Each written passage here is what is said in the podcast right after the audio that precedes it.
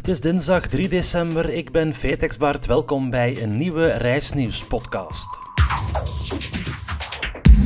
De Nederlandse luchtvaartmaatschappij Transavia komt naar Brussel. Dat werd al eerder bekendgemaakt, maar nu is er ook meer duidelijkheid over de bestemmingen waar naar gevlogen zal worden.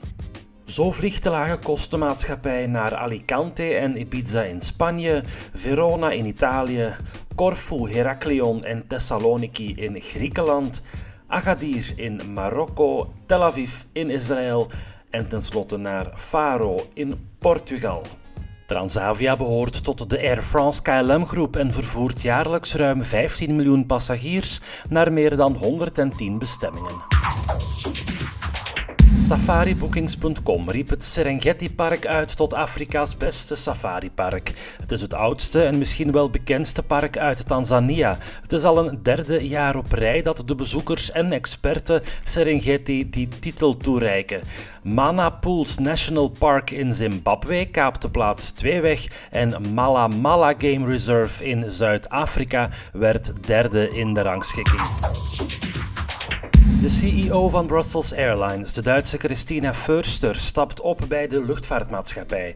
Ze krijgt een directiefunctie bij het moederbedrijf Lufthansa. Anderhalf jaar geleden volgde zij Bernard Gustin nog op als CEO. Dieter Franks wordt getipt als nieuwe baas bij Brussels Airlines. Hij zal dus naar alle waarschijnlijkheid het grote rebootplan bij de maatschappij moeten doorvoeren. Brussels Airlines staat voor grote besparingen. Vanaf 2022 zal er ieder jaar zo'n 160 miljoen moeten bespaard worden. En dat is 10% van de huidige kosten. AirHelp, het Deense bedrijf dat passagiers helpt bij mogelijke vergoedingen wanneer hun vlucht is vertraagd, zegt dat de luchthaven van Charleroi de meest stipte is ter wereld. Brussels South Charleroi Airport krijgt een score van 8,6 op 10 in de rangschikking. Lage kostenmaatschappij Ryanair kende in november een stijging van het aantal passagiers met 6% in vergelijking met een jaar eerder. Ryanair vervoerde vorige maand zo'n 11 miljoen mensen. Dit jaar zullen er dat meer dan 150 miljoen zijn, vorig jaar net geen 140 miljoen. Minder goed gaat het met Hong Kong Airlines. De maatschappij kan de lonen van zijn werknemers niet meer betalen. De onrust die er al een hele tijd heerst in Hongkong door de anti-regeringsprotesten zou de ticketverkoop sterk doen terugdringen. Bij de maatschappij werken zo'n 3500 mensen. Het is voorlopig afwachten hoe het afloopt voor de maatschappij. In totaal ziet de luchthavenautoriteit van Hongkong een daling van 13% passagiers sinds de protesten daar. Sugalobo in Tokio, Gisavois in Parijs, Le Bernardin in New York en Ryujin ook in Tokio zijn de beste restaurants ter wereld. Alvast volgens de rangschikking van het Franse La Liste. De vier restaurants krijgen allemaal dezelfde score van 99,5 op 100.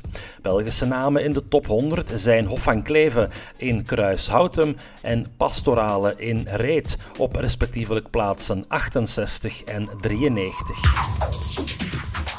Geef jullie graag nog even mee dat er vanaf morgen, woensdag dus, gestaakt wordt in Frankrijk. Ook de luchtverkeersleiders leggen daar vanaf s'avonds voor een groot deel het werk neer. Dat meldt Eurocontrol. De staking zal 3,5 dag duren tot 8 december. Of er en wat de gevolgen zijn voor het luchtverkeer is momenteel nog niet erg duidelijk.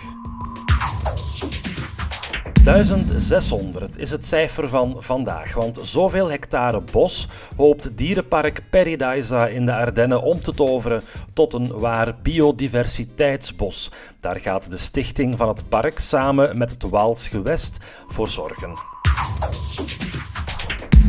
En daarmee hebben we opnieuw alle reisnieuws gehad voor vandaag. Vrijdag zijn we er opnieuw. Neem ondertussen een kijkje op vtexbart.be voor meer vakantie-inspiratie.